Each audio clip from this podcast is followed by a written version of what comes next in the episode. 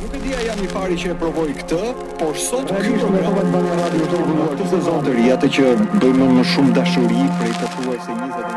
Kur ka pyetje për përgjigje të forta, Eno Popi rikthehet në Top Albania Radio.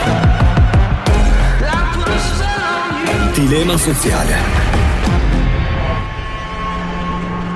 Përshëndetje gjithëve, mirë se takohemi tek Dilema këtë të enjte në radio.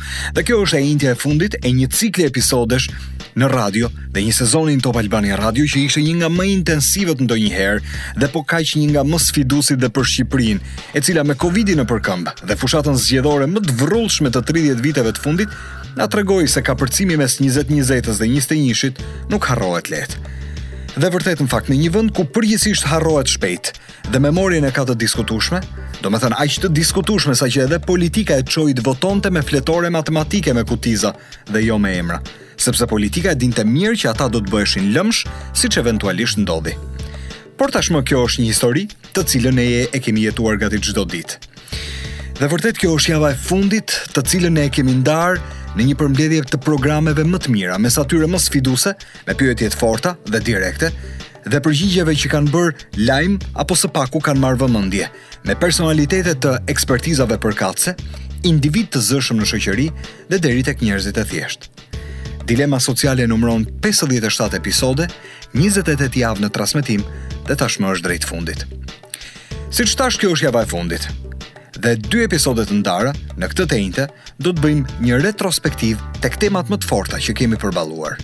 Dhe të shtunën dua t'ju sjell intervistat më të mira me personazhet më interesantë që kanë folur në radio dhe në podcast për jetën e tyre dhe që kanë qenë vërtet së paku. Kur shihja retro se çfarë kemi bërë këtë sezon, kuptova që Covidi na kishte marrë jetën tonë në duar Kemi folur kaq shumë gati për çdo aspekt që ndikoi tek jeta jonë. Kufizimi, liria, mungesa e parave deri tek çifte që i ka ndarë virusi se plasën tradhtitë në izolim. Por nga ana tjetër, teksa ky vend shkonte me gati 1400 raste ditore me Covid, politika na e kishte marrë vëmendjen si gjithmonë, sepse e kemi sport të preferuar ne këtë punë, teksa fushata që nisi që në vjeshtën e vitit të kaluar, e tek dilema ka bërë që të kemi folur plot edhe për ndikimin e fushatës, politikës tek e përditshmja jonë. Ky program ka qenë vendi i diskutimeve të jetës së qytetit. Dhe këtë kemi dashur në fakt, dilema sociale që gjithsecili prej nesh ka të marrë nga një përgjigje. Okej, mirë se erdhët tek dilema. Dilema sociale.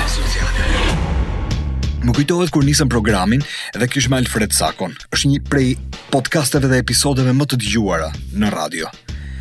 Folëm për QAnon, për tezat e konspiracionit, tezat e konspiracionit që njerëzit jo detyrimisht i besojnë dhe thonë që janë të sajuara. Sa të manipuluara dhe sa gjëra të pavërteta ka për të bërë lëmsh mendjet e dobëta. Ky është Alfred Cako, tek dilema. Dilema sociale. Ka plot nga ata që besojnë se a është kjo një formë për t'u bërë shumë shpejt personazh i njohur publik? Qëllimi im nuk është të bëhem i njohur, qëllimi im, e thashë edhe një në fillim, është të them të vërtetën. Edhe unë kur kam hyrë në fushën e botimeve, kam kam qenë ashtu siç thatë dhe juve, kam qenë relativisht i njohur, kam qenë deputet, mm. nuk kam pasur probleme të këtilla dhe nuk e kam prap problem për t'u bërë i njohur. Ë nuk më shqetëson ajo pjesë. QAnon u fut si tezë edhe e mbështetur nga presidenti që iku tanimë, Donald J. Trump. Sa doza kredibiliteti i ka dhënë një forme që shumë e reputojnë të rrezikshme. Dëgjo, ka një uh, foto të bukur për ata që duan të mohojnë QAnonin, për ato që thotë, uh, është një e, çifut me kapelen karakteristike të tij, duke ndenjur në pultin e komandimit dhe poshtë tij ndodhen gjithë aktorët që hedhin postime për QAnonin. Pra, QAnoni nuk është duhet marrë 100% seriozisht sepse mund të jetë edhe një një portal ta quajmë që të cilin e financojnë dhe hedhin kundërshtarët e Trumpit pikërisht për ta për ta njollosur po, më më shpjego pak se për ta njollosur Trumpin. Kjo ishte kjo ishte kjo ishte. Okej, po kjo ishte interesante Fredi, se presidenti amerikan tha nuk i njoh këta tipat, por shoh që janë patriotë shumë të mëdhenj, e kanë seriozisht këtë punë, e di që e duan Amerikën, kështu që le t'i dëgjojmë të gjithë. Dhe këtu befas morën krah plot nga këta njerëzit të cilët rrjedhimisht pak donin një lloj kredibiliteti publik edhe më tej shkuan po ha? QAnoni e, me postimet e veta ekzalton presidentin Trump për veprimet e veta dhe ka shumë njerëz të cilët i duan ato që thotë QAnoni dhe hmm. këta nuk janë nga ata që e din planin e lojës, por janë nga ata që i dëshirojnë që Trumpi t'i bëjë ato gjëra dhe vënë logot e QAnonit dhe shkojnë nëpër takimet që bën Trumpi. Trumpi gjatë një përplasjeje që kanë patur raciale mund të themi Në një qytet të Amerikës nuk po më kupto, kupt, kujtohet, bëhet fjalë edhe ke libri sapo ish bërë president atë edhe ke libri Zjarr dhe tërbim që e kam botuar unë dhe të gjithë po prisnin që Trump të dilte dhe të dënonte këta anëtarë të QAnonit, të cilët sapo ishin krijuar mm. dhe që quheshin me prirje raciste ose naziste. Ja, po të vërtetën i kanë. Po dhe Palët u konfliktuan aq keq sa mund të kërcisnin dhe armët aty mes njëri-tjetrit. Ishin kryesisht të majtët radikalët e majtë dhe QAnoni, grupi i QAnonit, dhe të gjithë tashi po prisnin që të prononcohej presidenti Trump kundër këtyre radikalëve të djathtë ose supremacistëve të bardhë, Dhe presidenti Trump e kaloi me një fjali me batutë shumë të bukur, tha jetojmë në Amerikë, është vendi më i madh i lirive, tha, të shprehjes së mendimit dhe këtu tha mund të ketë çdo lloj ekstremizmi. Dikush që të ndjek këtu nga ekrani thotë, "Mor ky verifikon këtë që edhe publikon ose në raport midis një gjëje që është populiste dhe do të japi vëmendje, midis një gjëje që një botus afërmendsh e bën, se e ka proces pune, verifikon dy herë, tre herë, katër herë. Si ia bën ti? Autorët që botojnë këto Ne nuk flasim për autorët, jo, flasim jo, për për gjërat që ne dëgjojmë në ekran. Dakor, unë ato them. Mm. Autorët që botojnë këto libra janë shumë të përgjegjshëm dhe mbajnë përgjegjësi penale për ato që thonë. Mm. Dhe të gjitha që i shkruajnë i kanë me detaje dhe të dokum, të mirëdokumentuara. Po unë nuk mund të flas aq gjatë sa të tregoj hollësirat nëpër daljet publike. Unë them, unë them çështje thelbësore. Shiko, po ndonjëherë bën fakt check, a? Shiko, unë nuk jam profet. t'i them të gjitha gjërat. Ne themi atë që parashikojmë me intuitë. Ja po të bëj edhe ty nja dy parashikime. Mm -hmm. Në qoftë se uh, vjen Biden uh, president, gjë që nuk dihet, ë uh, nuk dihet akoma, më beso mua, ë uh, në qoftë se do vijë Biden, do të kemi për shembull ndryshime të mëdha në politikën botërore, për shembull. ë uh, Kina do fillojë të sulmojë shumë vende aty të rrethrrotull Azisë, duke filluar me Tajvanin që do ta pushtojë, do pushtojë disa vende që janë në kufi midis Indisë dhe Kinës, siç është Butani, e cila është një nga shtetet më pak të korruptuara në botë, mbreti i së cilës do largohet në Shtetet e Bashkuara, Po ju them që në qoftë se vjen uh, Trump, Hillary Clinton mund të bëhet presidente, duke u bërë në fillim sekretare shteti. A, jo Kamala. Kamala, jo Kamala. Ka, Kamala mund të vdesë mbasi të marrë vaksinën, atë ditë që do, do bëhet ceremonia që bëhet në datën 20 janar, mm -hmm. në Washington do jetë një mot i tmerrshëm, do bjerë shi me kova dhe do të ketë një krizë të madhe ushqimore okay. dhe një banane mund të blihet 50 dolar, një bukë mund të vejë 100 dolar, po e gjete në treg të zi. një litër naftë mund të vejë 100 dollar, po e mhm. gjete edhe këtë, kupton? Do të ketë një krizë ushqimore të paparë. Dilema sociale në Top Albania Radio. Zgjedhjet erdhën dhe koha tregoi që uh, opozita do të vinte tek pretendimi se votat u blenë.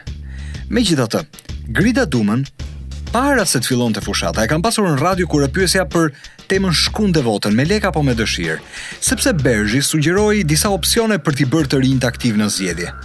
Të rinjtë, që janë një pjesë gri e votuesve në shoqëri. Në Australi, në Belgjikë, në Luksemburg, tregoi se frika nga ndëshkimi, pra me gjobë, rriti ndjeshëm pjesëmarrjen në zgjedhje. Po këtu, Këtu që pjesa më e madhe i kanë blerë ose pretendohet t'i kenë blerë. Dëgjoni Grida Dumën në radio. Dilema sociale. Unë kam në studio Grida Dumën edhe është uh, kënaqësi që ti pranove. Kënaqësi me ty në çdo moment. 47% në 2017 në zgjedhjet uh, e 2017-s nuk kanë dalë, kanë bojkotuar me koshiencë të plotë zgjedhjet. Dhe brenda këtij 47%-it Në mazhorancë të rinj, grupmosha 18 deri 26 vjeç, moshë vitale për një analizë për ta çuar drejt votës dhe nuk e bën. Unë besoj që sa herë vijnë zgjedhjet ju kushdo që është në politikë, pavarësisht krahut, i fusni në refen edhe në analizë. Përpiqeni që të kuptoni më si t'i incentivojmë këta. Jo vetëm kur vijnë zgjedhjet, po mbani parasysh që një herë pasur të rinjtë me vete i ke me dekada, sepse nëse nis me një 18 vjeçar, Presupozohet që angazhimi i tij, nëse bëhet pak tërheqës brenda mhm. politikës, këtë uh, individ, këtë këtë të të ri ti do e kesh gjatë në politikë, pra është investim i madh tek rinia. Uh, pa dyshim është problem i madh shqiptar, por nuk është vetëm shqiptar, le ta pranojmë që lexoja studime të tilla për Britaninë e Madhe, lexoj të tilla studime për Amerikën që ka të bëjë me një bashkësi gjërash që influencojnë që të rinjtë ta kenë, le të themi, Ë, ta shohin politikën me një lloj përçmimi. Dhe nëse kjo është e arsyeshme ose jo në pikëpamjen tonë, ne duhet të bëjmë tre hapa mbrapa të mendohemi pse. Sepse derisa ndodh është një realitet që është faktik edhe është i arsyeshëm në një farë mënyre. Po si e lexon ti si njeri i shkencave sociale, është rebelizmi i moshës që që nga familja deri tek ata që duan të marrin vendime. për jetën e kujtdo, përfshirë dhe politikanët. Rebelizmin këta të fundit ia pra të rinjtë ia shfaqin hapur duke mos votuar? Jo, nuk është rebelizëm. Më shumë është përçmim, është indiferentizëm dhe le të themi është Shikoni, sot të rinjtë me të drejtë dhe unë asnjëherë nuk do hyj në gjykime që në kohën tonë ishte më mirë, se këto janë shëmtira, absolute, eksaktësisht si dhe ti, që... se ka plot që e thonë këto, oh, në kohën tonë ishte ndryshe, ëh. Çdo brez thotë gjithmonë, oh, në kohën tonë ishte ndryshe. Një kohë ka për të gjithë, që domethënë koha e secilit është koha e vet. Dhe në kohën që jeton sot rinia shqiptare, ka dy probleme madhore, si e shoh unë. Së pari çështja e shoqërizimit, sa shumë jetojnë bashkë me njëri tjetrin dhe sfida e madhe që janë sot rrjetet sociale. Ne na duket sikur ata duke parë ekranin e telefonit, apo duke marrë pjesë në Facebook, apo duke shkruar një koment në postime, janë duke bërë jetë shoqërore. Në fakt nuk janë duke bërë një jetë plotësisht vetmitare. Çka do të thotë që të komunikosh me ekranin nuk do të thotë nuk nuk zëvendëson kurrë atë që është komunikosh me miqtë live drejt për drejt. Edhe e kemi parë janë virale momentet në të cilat ne shikojmë se si ulen 5-6 të rinj në një tavolinë dhe në fakt janë të gjithë tek telefoni dhe nuk janë tek biseda me njëri tjetrin. Dilema sociale. Tek dilema kemi folur se cili është modeli që shet sot online. Edhe gara për treg, për dominancë, për përmbajtje, I gjithë fokusi online ka bërë që së paku gjithë epoka e millennials e gjeneratës Z të jetë nga ndikimi i rrjetit dhe internetit. Dalina Buzin e kam patur në program. Ajo ka patur një përgjigje për këtë. Dhe po ashtu, Megi Pojani. Dilema sociale. Kur mund të flas për pjesën e brendit, të brendit të, të pjesës së biznesit, unë mendoj që për momentin ë uh, Kemi shumë, unë them janë promovues numërator. Është si numëratori telefonik, ti e hap okay. dhe ke vetëm brende. Domethënë, nuk janë të identifikueshëm me brendin. Uh, ti përmendë rastin e Chiara Ferragni, por Chiara Ferragni ka gjithë lifestyle-in e saj e ka të drejtuar drejt atyre që marketon, pra marketingu dhe ka një treg gjigant po ka një treg gjigant tregun tonë. Patjetër, por është gjithë marketingu i saj. Në qoftë se dikush ka 400 mijë followers dhe ti do të ah, çosh okay. të bësh reklamë, për shkak unë kam një biznes dhe nuk çoj në asnjë vend të bëj reklamën. Ah, okay. E biznesi që shet gjëra luksi si Louis Vuitton e Chanel, nuk ka asnjë influencer shqiptare dhe e them unë që i njoh shumë mirë. Për arsye sepse unë nuk besoj tek followersat e tyre dhe mënyra se si e kanë ndërtuar ata figurën e tyre. Është e pamundur këtu të ndërtohet figura me Louis Vuitton që ti e ke fituar vetë, e ke marrë ato, është ato njerëz që kanë bërë nuk kanë fare Instagram. Kështu që unë e vendos. Por edhe përtej këtij, uh, kësaj po. trajtesës uh, uh, morale deri diku të uh, blerjes individuale të markës, tregu jonë nuk lejon lukse të tilla. Pra, po, në të rast, me... në raste të tjera, ato thjesht informojnë dhe ti të fiksohet që ke parë diçka, por nuk, nuk të fiksohet se çfarë është ai hamburgeri, pse është kaq i mirë, hmm. apo çfarë veçorie ka kjo firma tjetër pse janë këto kremrat? Ne këtë se ka një dalin, bombardim, po. Ë, ne këtë e quajmë uh, konceptin bazë të komunikimit kulturor për sa i përket përdorimit okay. të mediave. Ti duhet të flasësh dhe të uh, uh, delegosh produkte që kanë lidhje me bazën e audiencës së cilës i referohesh. Ah, okay. Uh, është lokale për sa i përket kulturës. Okay. Uh, jo lokale, domosdoshmërisht gjeografikisht. Dilema sociale. Dilema sociale në Top Albania Radio. Më ka ardhur në studio Megi Pojani. Ej, mirë se erdhe. Mirë se të gjeta. Ç'kënaqësi të jem këtu. Kush mban kë Megi? Mban pjesa online imazhin tënd për televizion apo televizioni ty t'u desh patjetër për të mbajtur influencën online? Kush ndihmon jo, kë? Jo, janë dy gjëra shumë të ndryshme. Ëh, uh, unë televizionin e zgjodha sepse është diçka që e kam pëlqyer gjithmonë. Ëh, uh, me shumë njerëz që më kanë thënë qëndroji online-it dhe mëshoji online-it, por televizioni për mua ka qënë Nuk e di, mendoj që janë ca gjëra të shkruara që në fëmijëri, që unë kam e adhuroja televizionin se më dukej magji tjetër. Domethënë, thjesht ngulesha para televizorit dhe shikoja çdo gjë. Dhe më dukej e mrekullueshme se si ti mund të krijosh një realitet tjetër ose ta zbukurosh realitetin e ta sjellësh në atë mënyrë duke duke shtyrë dhe njerëz të tjerë të ëndërrojnë si ty, është shumë e bukur, edhe unë këtë gjë kam menduar gjithmonë, dhe prandaj televizioni ka qenë gjithmonë një synim i imi. Por unë jam një vajzë me këmbë në tokë dhe asnjëherë nuk kam menduar unë do dal në televizion për hir të të qenit në televizion. Pra unë kam dashur që të kishta të kisha një përmbajtje, pra mos dilja si thjesht një vajzë e bukur, doja që të kisha një hapësirë pra që të mos filloja nga asgjëja dhe për këtë m'u desh që të punoja me veten, me një... që të kisha një background përpara se të futesha në televizion. Unë nuk kam asgjë uh, dhe s'kam si ta kem ose për çfarë arsye do doja, mm -hmm. po, po nuk kam asgjë me imazhin dhe qasjen e imazhit globalist të Kimit. Po. Pra fjala vjen. Kimi e kuptoj, e kuptoj është një qasje pa. Po. që e kanë pafund. Ti gjete një aks për t'i dalë botës në një ose për t'i dalë në një sens botës, për t'i dalë ah. njerëzve virtualisht për t'i dalë me këtë lloj imazhi. A ishte ndihmëse për ty deri në një pikë? Apo ti mendon që nuk ishte e qëllimshme, nuk ka qenë e qëllimshme. Le të vazhdojmë kështu. Nuk ka qenë e qëllimshme. Unë mendoj që ka qenë e gjitha rastësi që në mm. fillim, mbase dy vajza Unë nuk mendoj që ngjaj me Kimin, megjithatë ka njerëz që ma thonë dhe ok, unë e marr për kompliment sepse unë mendoj që Kim Kardashian është një nga femrat më të bukura. Ëh, uh, por mendoj që është rastësia mbase të dyja brune, është një imazh plus tani vajzat janë të gjitha me një make-up, plus ca prekje të vogla. Ëh, Domethënë arrihet kjo gjë pa qenë nevoja që ti të shkosh dhe të thuash unë dua të bëhem si Kimi sepse nuk ka qenë asnjëherë qëllim në vetvete. Ë uh, dhe unë mendoj që nuk shet as lakuriqësia, as seksi, këto janë të gjitha shumë jetëshkurtra, e vetëmja gjë që shet sot është vërtetësia. Në qoftë se një njeri është i vërtetë, gjithmonë do ketë Qasje më të madhe nga publiku dhe për mua kjo është është e vërtetuar, e kam të sigurt që është diçka e tillë, shikoj edhe nga eksperienca ime, shikoj edhe nga shumë raste të tjera që kanë ndodhur në botë se ka njerëz që kanë tentuar që të bëhen famshëm nëpërmjet uh, sex tapes apo mm. fotove uh, gossip, gjëra të tilla që të jenë qendër të vëmendjes, por në fund s'kan patur asgjë dhe kanë janë venitur me kohën dhe askujt nuk i intereson më, por ka njerëz të tjerë që kanë ditur ta mbajnë dhe kanë pasur gjëra të tjera që njerëzit i mbajnë të karikuar. siç mund të jetë rasti i Kim Kardashian për shkakun që e morëm si shembull, dhe Kimi bëri reality me motrat e veta dhe ka nxjerrë komplet një anë tjetër të sajën, që është ndryshe nga ajo që është uh, prezantuar në fillim. Çfarë shet sot? E fa, shumë mendoj që shet uh, e vërteta, pra, vërtetësia reality. Por jo fotot që janë glam, janë uh, joshse. Ke pafund goca në Instagram që e bëjnë këtë gjë janë thjesht të mërzitshme. Dilema sociale.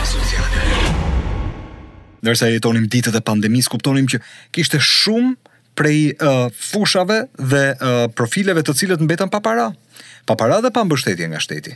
Dhe pandemia bëri që të shpikeshin profesione për fitime alternative. Ne pamë artistë që bënin para duke shitur para apo duke hapur dyqane për karamele dhe ëmbëlsira. Era Rusin e kisha në radio, dilema. Dilema sociale. Cili ka qenë live i fundit? Live i fundit, ajo mbrëmje e fundit në Tiranë flas. Po, Ti ke pasur çdo të shtunë live. Po. Ka qenë e shtuna e fundit ku ty as s'ta merrte mendja që e mbylle atë të shtunë, shkove në shtëpi dhe the. Nuk kur do këndoj më. Ëh, në fakt kjo kjo periudhë na ka na ka bërë të kuptojmë se sa të rëndësishme janë ato netët e live-it që ne deri diku na janë bërë edhe normale. normale për për performancë, normale për, domethënë, e dim që do marrim dhe do jap, do shkëmbejmë energji dhe dashuri me publikun. Por që do, por kësaj radhe e di që kur të rikthehemi, do do rikthehemi me shumë mall, me shumë pasion për punën, me shumë dashuri për publikun. Artisti instrumentisti apo aktori apo do të gjitha këto janë janë njerëz të cilët e ushqejnë shpirtin e tyre me artin e tyre. Dhe në këtë moment ë në momentin që e lë artistin të papunë, le të themi. Okej. Okay. Është sikur është një si një zombi që vjen vërdall i pashpirt. Jo, um, tentativës për t'u përshtat në treg. Meqë po diskutonim pak për Çka kanë bërë një pjesë e mirë e kolegëve të tu? Disa pritën, s'kishin ça të bënin. Disa konsumuan atë çfarë kishin mbledhur si pasojë e punës. Të tjerë u përshtatën në një nivel kleringu mbijetese ku Instagrami vënçe po ça të bënin. E ke menduar 2-3 herë, more dëgjo po lekët e maj qershor korrik gusht si do t'i nxjerr unë? e kam menduar por e, ta thashë në këtë moment gjëja kryesore është për Erën le të themi ë të mos çmendet. Ti je, o, e ke mirë, të mbash mendjen në vend. Kështu që në në këtë moment jam duke mbajtur veten fort, ë okay. uh, duke menduar pozitivisht, duke menduar që në momentin që do hapet çfarë do bëj, si do ta bëj, Mm. Se sa për gjërat që nuk arrita të bëj këtë vit apo për planet që kisha dhe nuk i realizova dot, se se ndryshe, domethënë po mundohem që ta mbaj veten me me me gjëra pozitive. Te, ky pozitivitet na mban rri i ngulur në mur si gozhdë me idenë që më mirë do të bëhet. Po, dua të tregoj pak ça ndodhi në Kosovë në raport me artistët dhe me profesionistët e lirë. Komuna e Prishtinës shpërndau në mos diku tek 170.000 euro për artistët që u prekën nga kriza e Covidit. Natyrisht kishte një sistem rregullator, pra identifikoheshin kush ishin artistët në raport edhe me marrëdhëniet e punës që kishin kriju. E ngjashme me ty, ti kishe marrëdhënie pune, kontratë pune, po aq. Këtu shumë syresh u ndjenë të ofenduar me pagat e luftës, edhe pse ky vend është i varfër, edhe pse ky vend kaq lek kishte për të gjithë. në një situatë të tillë, në qoftë se kaq lek ka për të gjithë, atëherë nuk ke çfarë kërkon më shumë. Okay. Uh, por uh, më vjen keq për shembull për artistët të cilët nuk kanë një nipt, nuk janë të siguruar uh, ata me ata çfarë ndodhi. Por deri diku nga uh, mendoj që kjo situatë ka ndihmuar që t'i thërrasin mendjes dhe Mos punojnë më në zezë. Mos punojnë më në të zezë.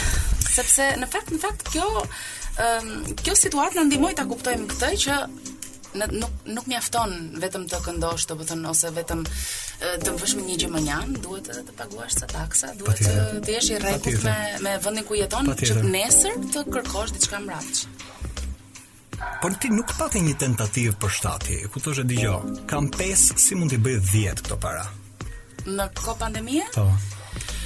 Uh, jo, nuk nuk e bëra ë uh, nuk jam nga nuk para e, e jam shumë njeri i Instagramit unë nuk e nuk para e punoj domethënë për Instagramin ose më saktë ta shikoj Instagramin si një tip i dorës. Nuk e nget atë Instagramin një çik siç e ngasin gjithë. Do doja shumë, okay. do filloj tani në qoftë se zgjat akoma kjo periudhë.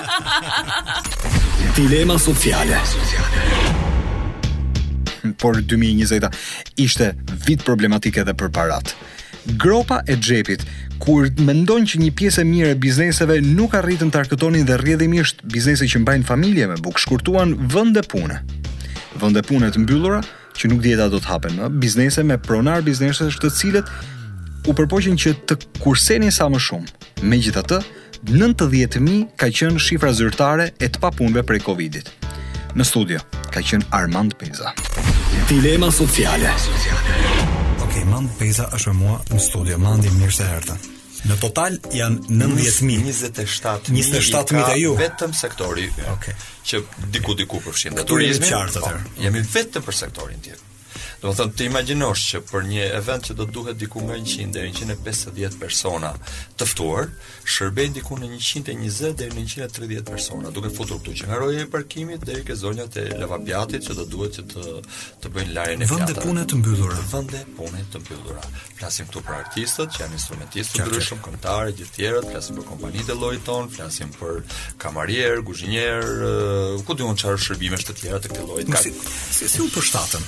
Jo, nuk u përshtatën. Thjesht ndenjën në shtëpi. Nuk u përshtatën. Unë mendoj që në këtë moment paga e luftës dhe kaq. Ëh, ju ka lezetuar dhe kjo gjë. çuditërisht ju ka lezetuar. Unë kam pasur, ja ta them. Diku nga 64 njerëz që neve kemi në punë. Me zor sa kemi kthyer në punë 22 me shpresën që do do ta zgjeronim dhe më shumë punë. Po pse? Nuk arritëm. Sepse nisën dangërllitjet dhe thoshin nuk dua unë të shkruhem me rregulla sepse unë dua të marr edhe lekët e shtetit edhe lekët e tua. Kjo s'mund të ndodhë, them, sepse në një moment që mund të vinë, do duhet domosdoshmërisht që unë të paguaj një gjobë për ty. Megjithatë, mandi. Por janë mm. shumë të tillë. Ti ke drejt, unë nuk mund as unë as ti s'mund të justifikojmë këdo që hapur të thotë shkeljen e rregullave, po, por një sekond, por thellë thellë e nënkupton. Njerëzit s'kanë para. Janë të varfër deri në atë pikë sa që tentojnë të marrin ça të kapin, kapin ça të kapin. Është periudhë kaotike kjo. Më fal, po vlera e parasë okay. është shumë relative. Domethënë, unë jam shumë i varfër përballë dikujt. Dikush tjetër është i varfër përballë meje. ka dhe më të varfër akoma që kanë ekzigjencën edhe koren e bukës. Tash kjo gjë është shumë relative në gjithë botën. Por unë nuk jam kaq i pasur sa të paguaj 5 milion lekë vjet të vjetra gjobë për secilin prej punonjësve që do ngelin mua. Është një gjë paradoksale, edhe ndoshta s'e di a tingëllon e tillë në raport me kë po na dëgjon, po t'i rikthesh dikujt vendin e punës dhe mos pranojë, kjo pastaj do. Ka ndodhur dhe kjo. Ka ndodhur dhe kjo. Siç kam pasur dhe raste që nuk kam mundur të rikthej. Kam ca njerëz që i kam në ndërgjegje akoma që nuk i kam kthyer dot. është një nënë për shembull që po rrit një djalë adoleshent vetëm dhe unë atë nuk e kam kthyer sepse ajo nuk është specialiste më e mirë, jo se nuk jo se është njeri i keq.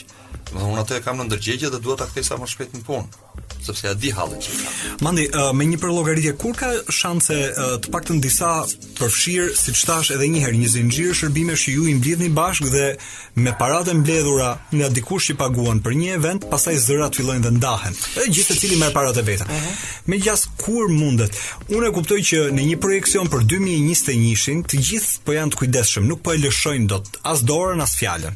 Se s'i dihet çfarë do ndodhë. Në mars kanë frikë se mos ka një tjetër goditje, po me vaksinën nëpër këmbë diçka do amortizohet. Unë them që gjithë kjo është edhe psikologjike. Që do të thotë në momentin që neve do kemi sigurinë që vaksina do të jetë apo do fillojë të aplikohet në në më ato që janë më grup i rrezikuar le të themi, edhe mentaliteti do fillojë që të ndryshojë duke pasur siguri ke vetja. Por mentaliteti i shpenzimeve në Shqipëri mendoj që ka ndryshuar radikalisht. Në qoftë se në Ballkan dhe kryesisht në Shqipëri. Neve shpenzonim dhe atë që nuk e kishim për evente të këtij lloji, për të bërë një debut të mirë sepse në Instagram shoqja jonë kishte bërë një festë super dhe ne duhet ta konkurronim, domethënë këtë gjë. Sot njerëzit ta mendojnë dy herë. Kreditoheshin për të marrë për për bërë dasmën, tani mbase do ta bëjnë me një gjë shumë modeste, ka... do dalin në stil më bohemian, do mbledhin vetëm 10 nga 400 veta apo ku diçka e tillë. Ka njerëz që mendojnë që Tani realiteti i ri është ky që sapo the. Njerëzit ndoshta do vendosin ca prioritete dhe kjo do jetë për gjithmonë. Të tjerë i besojnë instinktit dhe thonë do harrohet shumë shpejt do rikthehemi aty ku ishim. Shqipëria e ka provuar që është një popull me me memorie shumë të të të të të, të shkurtër. Ja është bota kështu po. Haj, jo, Shqipëria veçanërisht. Kujtojmë që bëmë luftën në 97 dhe harruam ato që ka shkaktuar, bëmë të tjera gjëra dhe shamë pështymë mm. qeveri të ndryshme dhe i rivotojmë ato dhe kemi pra faturi. Um, duke mbetur sa po. uh, unë them që më shumë i faturohet brezit të millennialsve të rinj okay. sesa të sesa sesa mentalitetit shqiptar, sepse në qoftë se do të vazhdojnë të paguajnë prindërit për dasmën e fëmijëve, unë mendoj që ky mentalitet nuk ndryshon. Në qoftë se fëmijët e mendojnë, atëherë mund të ndryshojnë koncept, të thonë, "Ok, më mirë ndërtojmë një folejës të re se sa shpenzojmë këto paratë për të bërë uh, festë me ca njerëz që edhe nuk i njohim ndonjë. Megjithatë, nuk janë vetëm të dhënat e Instatit Mandi se kjo është uh, ajo çfarë po diskutoj, po uh, pjesa më e madhe e të dhënave tregojnë se përveç se raporti flet për një 76% të familjeve që nuk sigurojnë dot ushqimin, mm -hmm. tani s'po e ndajmë me përqindje se kush mund të jetë klientela që uh, do të vinte aty. midis atyre që janë midis atyre që janë te minimumi jetik dhe atyre që kanë nevojë për të paguar një shërbim i cili është shërbimi i festës, i qejfit, i dëshirës, i luksit në një po. sens. Ti e ke vënë re që të paktën nga ata që siç e the, mund ta shtyjnë ose do ta mendojnë dy herë, nga ata që e kanë anulluar fare. Shumë të paktë kanë qenë. Domethënë nga prenotimet që ne kemi pasur për 2020. Nëpërmjet kësaj dua të kuptoj deri ku po, po, mund po, të goditen financat e njerëzve. Gati 65 deri në 80% mund të them që i kanë shtyrë për vitin që vjen. I kanë shtyrë, jo anulluar. Pra jo anulluar. Anulluar mund të numërohen me gishtat e një dore për arsye që dihen mund të kenë pasur një humbje për arsye Covidi në familje okay. nuk kishte më sens, gjendja shpirtërore nuk ishte aty ku duhet, okay, as nuk e mendon fare që ta bëjë një festë. Mund të ketë ardhur një fëmijë në mes, prioritetet kanë ndryshuar, është shumë normale kjo gjë. Ëh, nuk di. Kjo pjesa që më thua e, e sigurimit të minimumit jetik, unë do eci me teorinë, unë do eci me teorinë e hebrejve që janë uh mhm. -huh. absolutisht uh, intuitiv, më e pakta të thuhet, janë tepër të zgjuar për të kuptuar ne. Unë i marr si teoremë pa vërtetim ata. Dhe ata thonë, më mhm. pëlqejnë shumë paratë e të varfërve. Vërtet, vërtet ata kanë pak para, po janë shumë në numër. Pra ne na duhet t'i shërbejmë kujtdo. Dilema sociale. Një nga intervistat më të mira që kemi bërë tek Dilema Sociale ka qenë me Ema Andrean, sepse pyetja pse diskutohet ende memoria kolektive bëri që një studim i vitit 2020 na tregonte se mosha 13 deri 19 vjeç nuk e njohin historinë e Shqipërisë, dhe mosha 21 deri 30 vjeç e njohin në mënyrë sipërfaqësore. se çfarë ka ndodhur, për shembull në komunizëm. Ema Andrea foli për këtë aspekt të memories kolektive. Dilema sociale. Është e tepër të pyesësh një njeri pse kontribon. Çfarë ndjesie të ka dhënë ty të futesh në disa marrëdhënie me historinë dhe me ata që e kanë jetuar të gjallë historinë, që duan ta tregojnë kur ti dëgjon që vazhdimisht ka breza sidomos të rinj sot edhe me statistika 13 deri 19 vjeç nuk e njohin pothuajse kanë mangësi të thella në njohjen e historisë dhe mosha 21 deri 30 vjeç që është kjo pjesa e historisë afër tani që në komunizmi e kanë problem sepse e njohin në mënyrë sipërfaqësore pa ndikimin e shkollës. Ëm um, ajo që un e, e para gjithnjë më tepër mm, më rrit përgjegjësia dhe nxis dhe kolegë që të munden përmes artit të, të, nëse munden të japin kontributin e tyre në njohjen e asaj që është e vërtetë sepse mua më duket edhe sot tani që flasim mm. më duket përgjegjësi natyrale e kujtdo që ka një status në profesionin e vet, në çfarëdo lloj profesioni të kontribuojë për shoqërinë dhe jo gjithmonë të kërkojë shpërblimin e, e që nga vaniteti deri tek i fundit sepse mund të paktën ashtu siç unë mendoj se si duhet jetuar njeriu duhet lërë një gjurmë në këtë jetë dhe gjurma do të thotë që nga fëmija yt edhe deri tek ardhmja e një shoqërie etj etj. Ajo që un mendoj dhe nuk dua Nuk do doja shumë të hyja në kurrikulat e shkollës. Mungon. Do ta bëj më vonë të, po, bisedë. Po, prandaj them se s'jam as eksperte. Po, e, është rroj më vonë. E kam vënë re që mungon kur kur me të rinj në këto fasha moshe. Nga të rinj dëgjoj pyetjet. Thonë që ka qenë më mirë në atë kohë. Një, ose po mirë tani kur ishte uh, Hitleri aty që Stalini bënte atë, kur ndodhi ky kampi? Pra ka disa pyetje naive të cilat nuk i referohen dot as periudhës historike. Por për këtë natyrisht do thuash ti, "Po ama ishte një është një nxënës që nuk, është nxënës i keq, nuk nuk ka dash me u marr me historinë, edhe kjo duhet të jetë e drejtë. Po aty nuk mund t'i mohohet e vërteta, as nxënësit të keq. Dhe nxënësit të keq, nëse ne do ta quanim në në thonjëza pra një nxënës që nuk interesohet për shoqërinë, për historinë, më fal, ne duhet të gjejmë format me ia bë me ditë uh, atë që kanë ndodhur dhe këtë e bën ajo që ne kemi frikë ta quajmë turizmi kulturor. Shqipëria po kthehet në një turizëm qoftesh argëtimi, ë pasurie, luksi pothuajse oriental dhe ne identitetin tonë duam ta mbështesim aty ku është safe zone, kostume, ë tradita, Valle, dakord, unë nuk kam gjë. Por si mundemi ne të harrojmë vendet historike? Si mundemi ne mos i japim peshë përmes artit, artistëve gjithë ky vit që artistët nuk kishin uh, dot punë. Kjo mund të ishte një ky mund të ishte një nga kontributet që të të kishin dhënë për turizmin kulturor, në të cilin Natyrisht përfshihet edhe e kaluara jonë e afërt, të cilën kemi për detyrë ta njohim.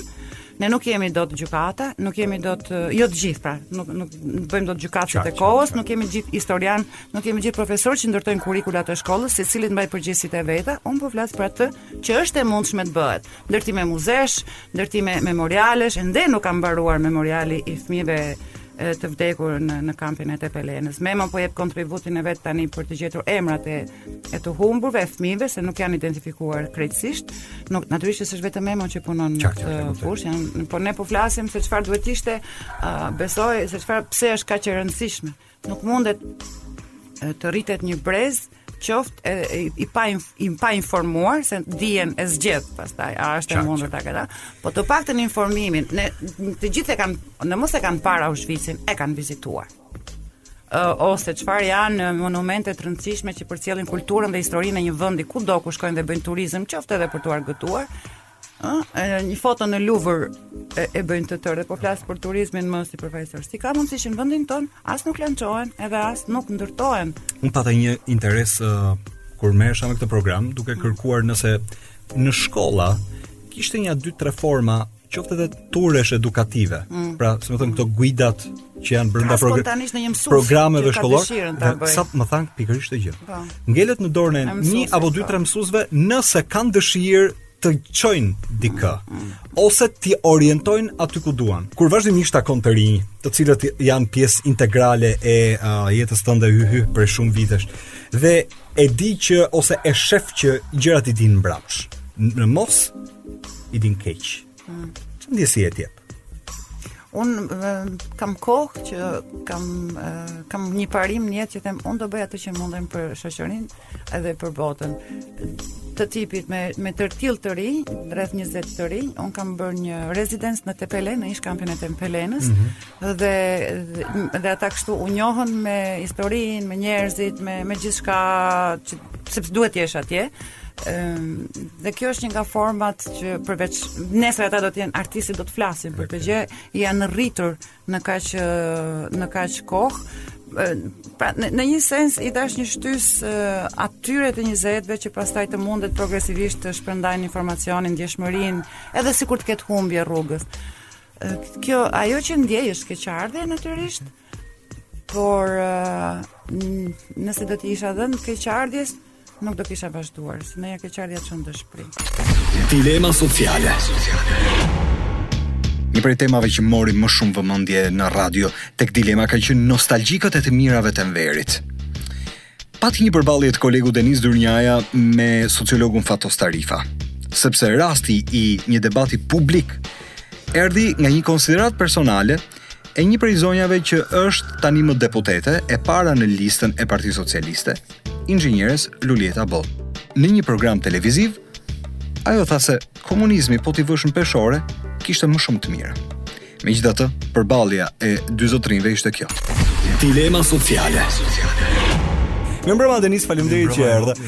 Dëgjo, unë dua vetëm të kuptoj ndjesinë e parë, ti e dëgjove, vetë. Tani unë dua t'i flas njeriut i cili diku nga uh, fundi i komunizmit i bie të ketë qenë në periudhën e adoleshencës. Jo, kam jetuar mirë dhe mbaj mend uh, në në mënyrë shumë të të detajizuar gjithçka që ndodhte në atë sistem. Pra i bie. Unë kam përjetuar goxha gjëra që në rregull. Derisa kam arritur që të çmontoj dhe pushkën AK47 që ose modelin uh, Kalashnikov në shkollë, sepse bënim ushtarake. Njëkohësisht kam arritur dhe marksizëm vit parë, kështu që praktikisht derisa kam arritur këto dy, këto dy elementë, kam qenë brenda strukturës së sistemit për Nëse po jo, përjashtuar këto pastaj radhën e qumështit dhe gjërat e tjera. Çfarë ndjesie pate sa dëgjove në fillim? Po shiko, u përpoqa fillimisht ta vendos veten në në rolin e e zonjës Bozo. Mhm. Për të kuptuar përse përse doli në këtë konkluzion. Shiko, nuk ishte nuk ishte hera e parë që vinte kjo lloj kjo lloj batute, kjo lloj mendësie, kemi dëgjuar shpesh dhe besoj që me degradimin e mënyrës se si ne bëjmë shtet e kuptojmë demokracinë do jemi gjithmonë mm -hmm. dhe më të reflektuar ndaj idesë se si ishte diktatura e mirë apo e keqe dhe te kjo pyetje pastaj pozicionohen njerëzit që ore po që ishte keq Ose ishte shumë keq atëherë dhe pavarësisht se ndoshta tani ca gjëra nuk shkojnë mirë, është prapë shumë mirë. Po ka ca të tjerë që thonë, "Ore ishte më mirë kur ishim më keq." Po çfarë është më keq? A është vetëm ekonomia që ishte atëherë? A është siguria? Po unë kam disa përgjigje edhe për të gjitha këto. Në një rend diktatorial shumë gjëra shkojnë për inerci mirë. Do okay. të thotë Nuk mund të ndodhin vrasje kur ti uh, ke një panik në mënyrë permanente në kokën tënde ose uh, një një peshë ose një presion që mund të të ndodhi një dënim. Një dënim që ti nuk e kupton se sa do jetë, se si do jetë, në ç'mënyrë, sepse është vetë regjimi që prodhon forcën e ligjit, e çekiçit mbi mbi ty. Prandaj nuk ndodhnin shumë krime. Prandaj thonin atëherë një polic të ruante një lagje. Po ne ishim dhe popull shumë spion.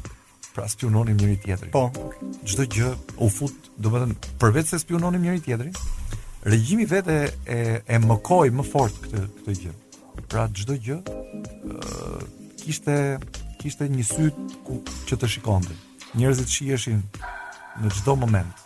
kishte një një sy që përgjonte ose të paktën edhe kur s'ishte syri që përgjonte, ne mendonim se përgjoheshim. Shë, kjo pra u krijua psikoza dhe kjo psikozë është vrastare për për psikologjinë e popullit, qartë. Ëm um, ti je prind, ë uh, fëmijët do rriten, natyrisht, do jetojnë në një Shqipëri tjetër, në një kohë tjetër, por realisht Ajo që është krejt logjike është ti tregon çfarë ke kaluar adoleshencë, fëmijëri, sa sa i vështirë ka qenë. Ajo që të flet ty tani është kujtesa. Por ka njerëz, dhe unë thash në nisje të programit, që në komfortin e tyre në çdo kohë mund të evokojnë të mirat dhe këtë nuk ia pengojmë dot, qoftë publikisht. Ku është problemi nëse ne jetojmë mes nostalgjikësh tani, në një shoqëri të lirë? Eno, çfarë kishte për nostalgji atëherë Eno? Njerëzit, më fal, se do ta banalizoj deri në këtë pikë sa për ta kuptuar. Gratë nuk kishin Lines. E. kupton ku kemi qenë? Dhe kjo është shumë e rëndë. Nuk kishin lines.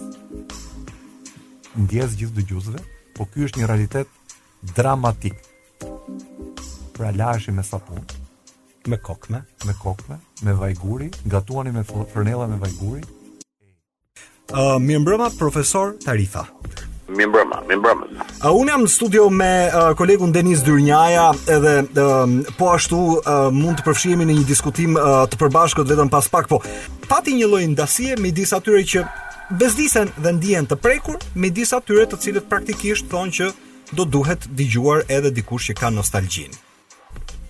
Ëh, uh, e para punës Duhet të them se mënyra më e keqe dhe këndvështrimi më i keq për të gjykuar mhm. të shkuarën, por edhe dukuri të sotme, është këndvështrimi ose mënyra bardhe. Në komunizëm po. ne, ne këtë nuk kishim, lirinë të mendonim siç desh, deshëm, dhe ta shprehnim hapur atë që mendonim.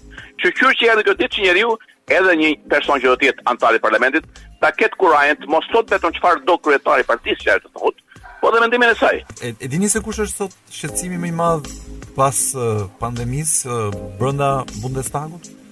Është uh, zgjimi i ndjenjës naziste.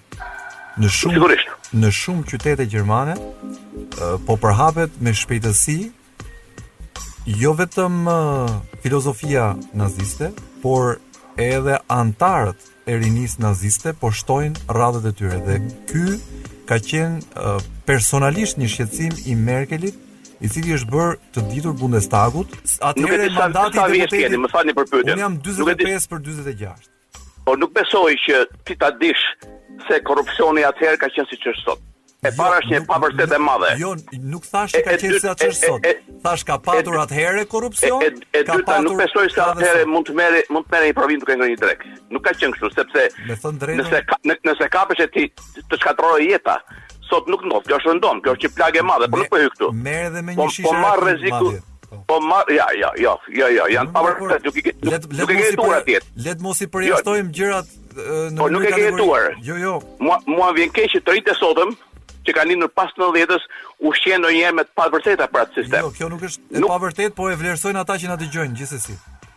Po s'ka rëndësi. Domethënë unë kam jetuar atë kohë, mhm. jam dyfishi mosh dyfishi moshës tënde. Po edhe un kam njerëz të cilët e kanë jetuar në familjen time dhe un po flas nga eksperienca personale, po, do të thoni. Familjare është personale. Ngrit po. ngrit një çështje. Mhm. Un un un jam për ditë me studentë. Mhm, e di ti studentët nuk duan t'ia dinë çka ka ndodhur tut para 30 vjetësh. Ata shikojnë të ardhmen, nuk shikojnë mbrapa. Ky është një problem shumë i madh sepse duke mos jo, mos parë nga shkuara ne përsërisim Po, ky është një slogan, është një slogan, është një slogan jo. shumë i vjetër, nuk ka shumë mirë. Prandaj po përsëritet në Gjermani jo, jo. nazizmi sepse e kanë harruar. Nuk shkohet përpara, nuk shkohet përpara duke parë mbrapa, shkohet duke parë përpara. Dhe një 20 vjeçari sot nuk i intereson shumë ajo. Ne ia kujtojmë për ditë me emisionet tona në televizion, në radio, në gazeta, kush kanë qenë Bazi i Kupës, kush ka qenë Zogu, kush ka qenë ky? A është keq? Unë mendoj profesor që është mirë. Jo, jo, atë ajo është detyrë e historisë. Në shkolla ata do të mësojnë historinë, me të mirat dhe të këqijat e saj. Ne s'e kemi shkruar në qoftë se historinë siç duhet ndërkohë, kështu që Në qoftë se po asnjë popull nuk ka shkruar historia asnjëherë nuk shkruhet e plotë. Mhm. Asnjëherë, dhe politika ju e dini se sa. Ju vetë duhet ta pranoni i pari se jeni profesor në këtë rast, mund të bini dakord me tezën që historia nuk shkruhet e plotë. Historia asnjëherë nuk shkruhet e plotë. Po s'mund të jemi dakord me këtë. Jo, natyrisht nuk jam, por nuk mund ta shkruajmë si duam ne, nuk mund ta shkruajmë siç duan ata, mm. siç nuk e shkruan, nuk e do, nuk donin ta shkruanim siç e shkruan ata që ishin para nesh. Dilema sociale. Dilema sociale në Top Albania Radio. Pranvera e këtij viti bëri që kur të deklaronim të ardhurat, të kuptonim se në fakt do të kishte një mbivendosje të pagave, sidomos kush bënte dy punë. Dhe përgjithsisht ata që bëjnë dy punë janë pjesa më aktive e shoqërisë, ata të cilët kanë fuqi e energji dhe duan që të kapitalizojnë në para dijet dhe profesionet e tyre.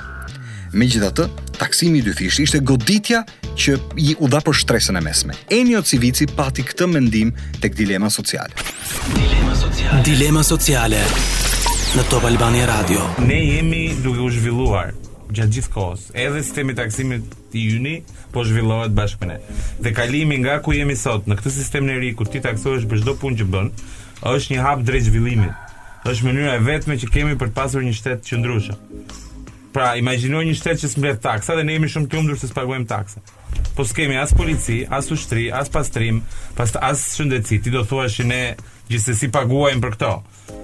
Po këtu i rikthehem çështjes, hajde luftojmë se si shpenzohen taksat tona. dhe jo se sa na merren taksat tona. Un ndoshta nuk kuptoj kaq qartë në mënyrë detajuar sa ti kupton nga sistemi financiar. Ama kjo si know how, pra si njohuri e përgjithshme që praktikisht ne duhet paguajmë taksa se taksat na mbajnë, këtë e di. Un besoj mirë do të ishte ta fusin që në shkollë fillore po. dhe ta mësojnë fëmijët. Për këtë e dimë. E vetmja gjë që un po përpiqem të them është që mënyra se si sot marrëdhënia me përgjithësisht shtresën e mesme duket krejt e padrejtë. Mund të duket klinike, mund të duket matematike, mund të duket aksiomatike, por nuk është normale. Nuk është nuk po është e drejtë. Pra, cila cila do ishte e drejta? Qofse kjo është e padrejtë. Do ishte e drejtë siç ishte siç jemi tani që ti bën një tre punë dhe paguan taksa vetëm për njërën? Jo, jo, unë i kam paguar një herë taksa. Po jo jo jo ti personalisht e kam fjalën një po. një person që pra, bën shumica nuk ka bërë si ty. Do të marrësh tipologjinë time. Po, un punoj në radio, punoj në universitet, un i paguaj taksat mujore çdo muaj. Po, paguan taksa vetëm për një pagë. Për të dyja. Taksën mbi të ardhurat personale. Të për të dyja. Po veç e veç. Veç e veç. Pse do pse do duhet tani të futen të agregohen në një dhe pastaj t'i fusë një 23% qeveria dhe ca para që janë para të pushimeve të miat m'i marrin. Ka që thjesht është. Pse do duhet, nuk e di, duhet pyesim qeverinë, po qeveria e bën dhe sistemi i taksimit është ky që është dhe a, sistemi kumulativ i taksimit që ne po aplikojmë tani është një nga çështjet e detyrueshme të Bashkimit Evropian. Shiko, unë vetëm pas pak do të flas me uh, Me zonjën Guxholli, natyrisht ti e njeh shumë më mirë dhe prej vitesh jo thashë dhe njëherë, jo për opozitarizëm se sa për çështje të një vështrimi pak më gjerë. Zonja Guxholli thotë le ta hapim pak diapazonin dhe thotë këto para që u hiqen shqiptarëve nga xhepat dhe sidomos familjeve të mesme janë elementë ose janë para të cilat mund të shkonin në disa sektorë, në disa shërbime, në diku do t'i shpenzonim. Patjetër. Nëse tani i heqin dhe i merr shteti si taksa, ne nuk i shpenzojmë ato. E vetmja pikë ku ne të dy bashkohemi, unë me ty domethënë, okay. është që ky nuk është fare momenti për të aplikuar në Shqipëri sistemin kumulativ taksa.